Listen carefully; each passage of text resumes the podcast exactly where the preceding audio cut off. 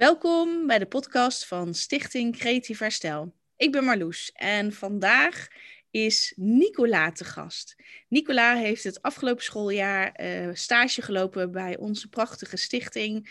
En um, we hebben net helaas afscheid moeten nemen van haar, wat we echt ontzettend jammer vinden, want ja, ze paste gewoon heel erg goed bij, uh, bij wie wij zijn en, uh, en wat onze missie is. En daarom wilde ik ook graag met haar in gesprek, omdat uh, zij ook met een reden de opleiding is gaan, gaan volgen. Um, en ik heel graag samen met haar wilde praten over hoe ze hier is gekomen en waar ze graag naartoe wilde. Dus welkom Nicola. Zou Dank je. Je, zou je je kort even willen voorstellen? Ja, dat uh, wil ik. Nou, mijn naam is Nicola. Ik ben uh, 28 jaar. Uh, ik doe de opleiding Social Work. Ik ga nu in september naar mijn tweede jaar. Um, ja, ik woon in Nieuwegein. En ja, verder heb ik ook een, uh, een verleden, of nou ja, het is ook nog wel een beetje heden met psychische klachten. Ik heb een eetstoornis en daarnaast ook persoonlijkheidsproblemen, uh, problematiek. Ja. Um, nou ja, en wat jij net al zei, mede een beetje vanuit mijn eigen ervaringen ben ik ook die, uh, deze opleiding gaan doen, social work. Ja. Ik heb hiervoor iets totaal anders gedaan. Maar ben er in de loop van de tijd achter gekomen dat ik toch wel heel graag iets met mensen sowieso wil doen. En um, nou ja, ook mijn eigen ervaringen meenemen daarin. Mooi, mooi. En um, hoe ben je bij ons terechtgekomen? Um, ik ben bij jullie terechtgekomen eigenlijk via nou ja, een soort van zoektocht op internet naar stageplekken. Omdat ik dat uh, voor mijn opleiding ook nodig had. En nou ja, een aantal uh, pogingen en zo, die niet echt succesvol waren qua solliciteren, kwam ik op een gegeven moment uh, bij jullie terecht. En toen heb ik een beetje zo de site zitten bekijken en dacht ik, hé, hey, dat is leuk. En ik kon me ook helemaal vinden in jullie verhaal. Uh, wat natuurlijk ook op de website staat. En toen heb ik ja, eigenlijk contact gezocht met Ivanka. Dan ja. tenminste dat nummer. En toen uh, kon ik op gesprek komen. En toen voelde het helemaal goed. En zo. En zo eigenlijk. is ons, ons verhaal begonnen, hè? Ja. Mm -hmm. Ja. En nou ja, goed, je hebt het natuurlijk net afgerond. Hè? We hebben afgelopen jaar hebben we uh, ja, met heel veel plezier samengewerkt. En we hebben je zien ontwikkelen van uh, iemand die de kat uit de boom keek en uh, het ook een beetje spannend vond naar iemand die echt een hele waarde, waardevolle aanvulling gaf aan ons programma. En, en die inmiddels heel goed weet wat ze wil en, um, en ook enorm goed is in advies geven. Uh, maar wat zou je zeggen dat jij het afgelopen jaar, uh, uh, ja, wat is jou het meeste bijgebleven? Waar heb je het meeste van geleerd zelf? Als je kijkt naar opleiding, maar ook naar jou als persoon zijnde. Um, een goede vraag. Ik wel even denken. Um, nou ja, als opleiding heb ik, denk ik, vooral gewoon een beetje de, de basis, vooral ja, wat meer geleerd. Ook gewoon achtergrond over um, ja, psychische problemen, maar ook gesprekstechnieken. Nou ja, alles wat je een beetje in zo'n eerste jaar uh, leert. Ja. Um, en in combinatie met mijn stage dan bij jullie, uh, vond ik eigenlijk ook wel leuk. Het sloot ook niet altijd helemaal precies aan waar ik op dat moment uh, met de opleiding mee bezig was. Maar ik vond het vooral gewoon, wel gewoon heel fijn dat er alle ruimte was eigenlijk om mee te kijken en uh, te ervaren. En wat ik op persoonlijk vlak uh, wel echt heb geleerd, uh, is proberen bij mezelf te blijven. En dan ook, um, hoe zeg ik dat? Nou, een beetje proberen te gaan vertrouwen op datgene wat ik vind, zeg, denk. Omdat ook, dat heb ik bij jullie heel erg geleerd, dat vanuit mijn gevoel te doen en niet vanuit mijn hoofd. Ja. Altijd maar. Um, nou ja, en ook wel wat meer op mezelf daarin te mogen vertrouwen. Mooi.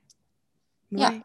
Ja, ja en um, zou je zeggen dat, uh, dat juist door jouw eigen ervaringen, dat uh, de opleiding en het stage bij ons lopen ook gewoon makkelijker voelt. In de zin van dat je je makkelijker kan inleven bij, hè, bij wat, een ander, uh, wat een ander meemaakt. Heb je het gevoel dat je, dat, dat bijdraagt aan, uh, aan je werkzaamheden? Ja, dat, ja, dat denk ik wel. Ook sowieso de vrouwen die natuurlijk bij jullie het programma volgen, die hebben ook allemaal een achtergrond. En nou ja, in veel dingen herken ik mij dan. Ehm, en dat geeft mij dan wel wat meer, uh, ja, hoe zeg je dat? Aanknopingspunten om me aan te sluiten. En ook daar dingen over vanuit mijn eigen ervaring te delen. Wat mij wel en niet heeft geholpen. Of hoe iets voor mij werkt.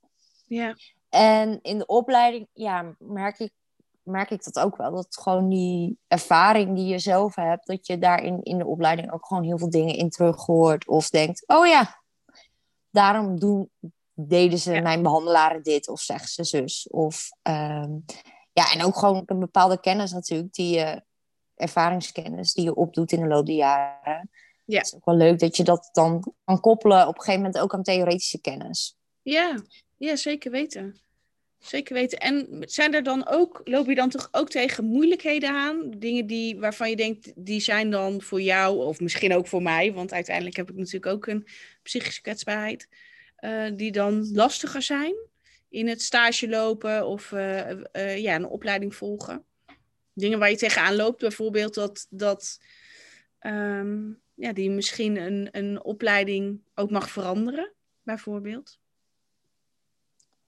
en bedoel je dan qua. Uh, ik zal hem even korter maken. Ik maakte hem heel lang, maar uiteindelijk is de vraag vooral. juist door jouw, we noemen het maar even jouw rugzak, zijn er dan ook moeilijkheden waar je tegenaan bent gelopen. We hadden het net over wat, um, wat voor jou werkte, wat, wat uh, bijdroeg aan uh, de opleiding.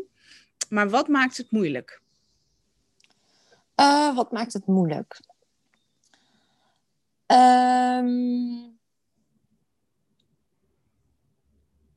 Zijn er bijvoorbeeld, hè, je gaf aan, je hebt een persoonlijkheidsproblematiek. Zijn daar dingen uh, waar je dan tegenaan loopt tijdens de opleiding? Dat je bepaalde een grotere onzekerheid hebt, of misschien heel erg perfectionistisch bent? Of...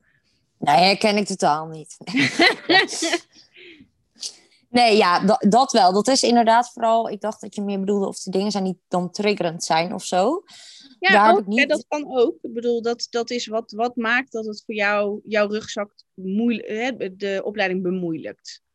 Ja, nou, ik heb dus niet echt dingen gehad die per se heel erg triggerend zijn geweest. Wel een keer in de opleiding, dat was er een gastcollege. En dat was dan ook uh, iemand die hersteld is van anorexia. En um, nou ja, daar konden ook uh, vragen over gesteld worden. En ik kan me dan soms een beetje opvreten van binnen over de stigma's die er bestaan. Mhm. Dat vind ik dan lastig en niet zozeer in de zin dat het me triggert, maar wel gewoon dat ik denk, ja, maar dat is niet altijd zo zwart-wit en um, dat. En ja. Uh, ja, persoonlijkheidsproblematiek dingen, ja, die maken het zeker wel voor mij lastig, zowel in de opleiding als stage, dat uh, gewoon een grote onzekerheid, twijfel dingen heel graag goed willen doen. Dus van daaruit, uh, nou ja, ook wel wat je in het begin zei, dat uh, een beetje kat uit de boom kijken, dat komt ook voort vanuit mijn onzekerheid. Um, en het perfectionisme. En ja, in combinatie met mijn onzekerheid maakt het eigenlijk wel. Afgelopen jaar heeft dat wel vaak gezorgd voor een soort van. Uh, ja, hoe zou ik dat eens zeggen? Gevecht, denk ik, vooral met mezelf. Vanuit mijn overtuiging dat ik mezelf 400% moet geven om misschien wellicht net een 5,5 te behalen. Um, en dat was niet waar, hè? Nee, dat, dat was niet waar. Want ik weet de cijfers die je hebt gehaald. ja. ja, en dat is, ja, dat is wel een gevecht. Ook omdat je dan van je omgeving terugkrijgt. Ja, zie je wel, je kan het makkelijk en je haalt hoge cijfers. Maar voor mij is het elke keer weer een strijd. Ja. En overtuiging dat ik mezelf dus volledig moet geven. Soms ook ten koste van mezelf. Ja. Um, omdat ik dus denk dat ik het anders niet haal. Ja. en dat, daar, dat is gewoon nog moeilijk. Dat, dat, dat uh, wil nog niet helemaal lukken om te beseffen van... oh, ik kan ook op het tandjes minder lopen. Ja, het vertrouwen daarin hebben dat het goed komt, dat is nog lastig. Ja, ja. ja dat, dat is wel mijn grootste struggle geweest. En ja, dat zal waarschijnlijk ook nog wel een struggle blijven. Ik hoop voorlopig. Ik hoop wel dat ik daar op een gegeven moment wel die uh, vertaalslag naar mezelf kan maken. Van, oh, met een klein beetje minder komt het ook goed.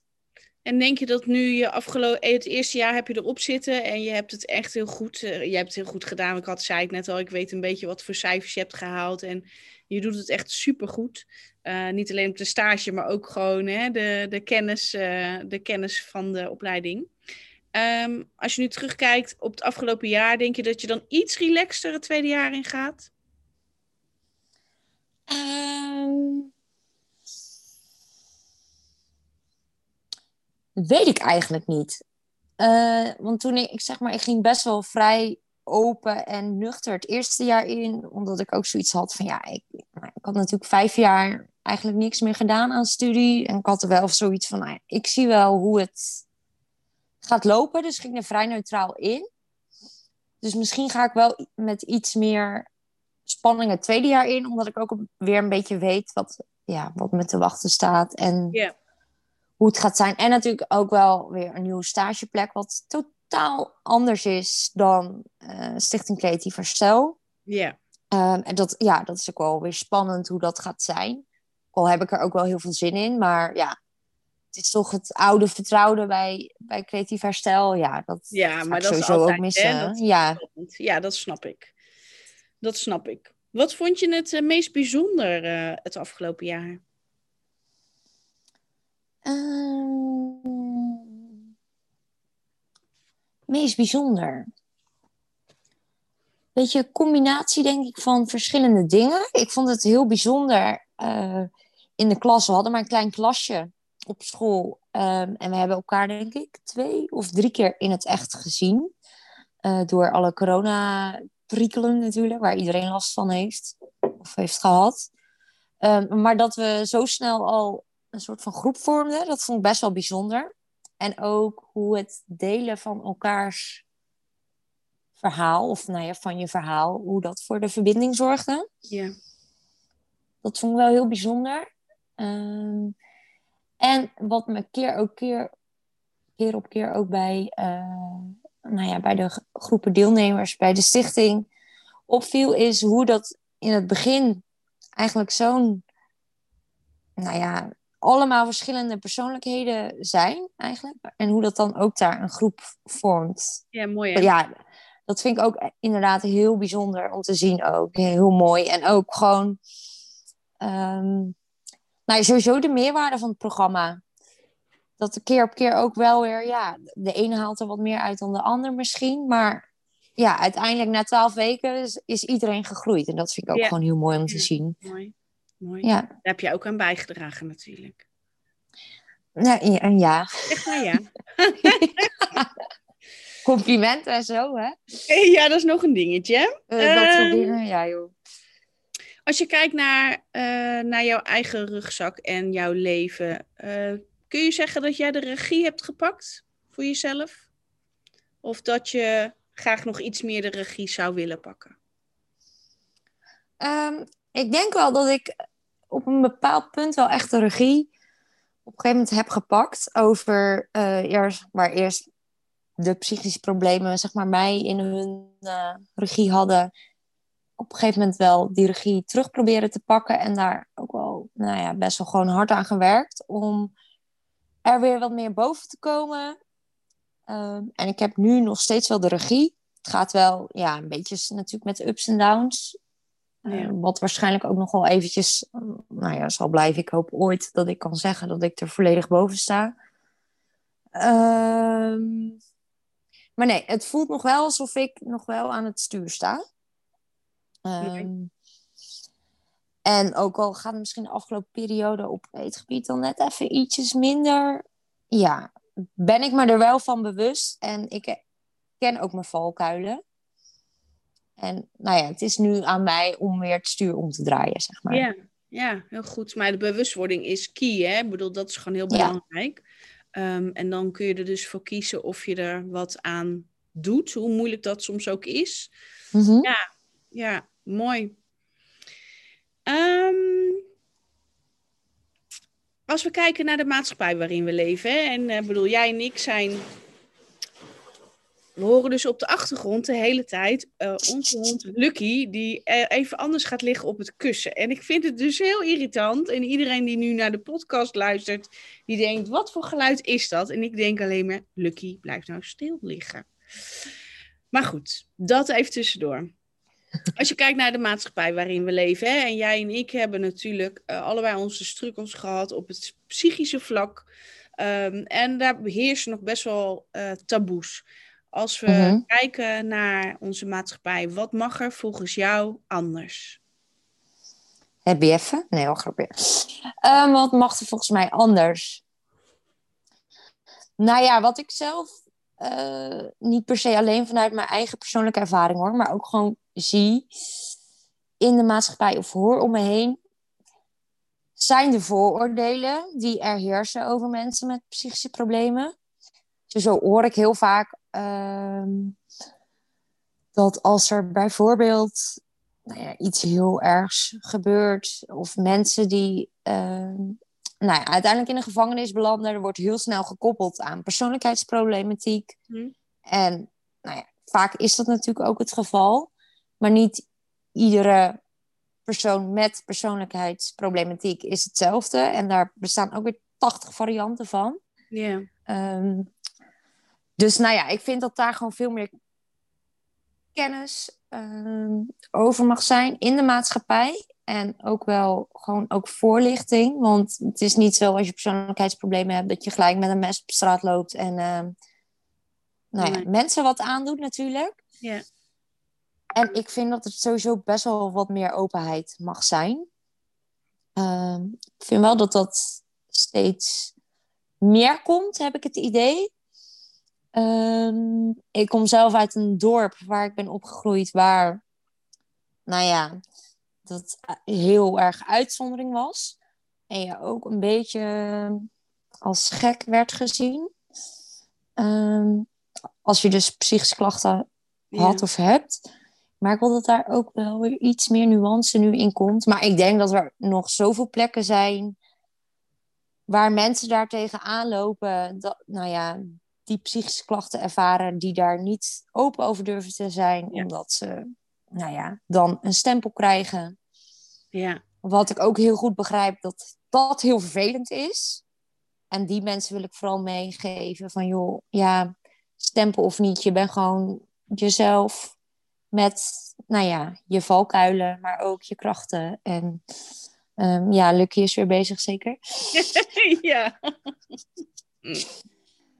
Dat, schaam je daar vooral niet voor. Hoe moeilijk dat ook is soms. En ja, ik vind ook dat er in, in- ja, in de psychische gezondheidszorg, al die wachtlijsten, vind ik ook wat van. Maar ja, daar eh, ben bang dat ik daar niks aan kan veranderen.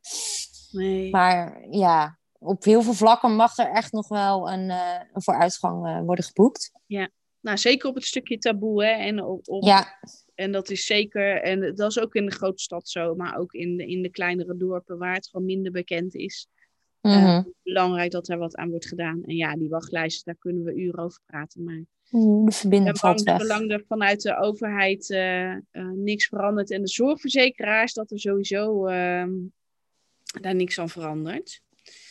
Ehm, ik ben nog heel erg benieuwd naar waar je naartoe wilt met je opleiding. We- weet je al een beetje waar je naartoe wil? Eh, ja, tenminste, dat wist ik ook al een beetje, denk ik, toen de opleiding begon. Want, eh, nou ja, omdat ik zelf altijd ook in de GGZ heb gezeten en nog zit trouwens. Ehm, ja, dat blijft toch wel een, een richting en doelgroep die me gewoon heel erg, eh, die ik heel erg interessant vind. Ja. En waar ook een beetje mijn vuurtje van aangaat. Ehm, dus die kant wil ik zelf heel graag op eh, als werkveld, werkveld. En ja, qua specifieker, zeg maar, dat weet ik nog niet zo goed. Dat hoop ik ook ja, door de jaren van mijn opleiding heen wat meer te ontdekken. En het is niet zo dat ik per se als ervaringsdeskundige aan de slag wil. Ehm, om vanuit zeg maar, die basis mijn werk in de toekomst te gaan doen. Ik vind het wel natuurlijk, ik, ja, ik vind wel meerwaarde dat ik ervaring heb en die soms kan inzetten. Uh, maar ik wil meer vanuit het gewoon de basis, zeg maar, social work en dan ervaring als, nou ja, meerwaarde kunnen als inzetten. Dat. Ja, ja. Ja, ja. Ja, en dat eigenlijk. Een, uh, ja, nou, is heel mooi. Heel mooi. We hebben eigenlijk vanaf, we hebben altijd gezegd hè, dat uh, je komt over een paar jaar gewoon voor ons werken. Ja, natuurlijk. Als je nog één advies mag geven aan misschien ehm, jonge mensen met uh, ook eetproblematiek of persoonlijkheidsproblemen, wat zou je dan zeggen? Oeh,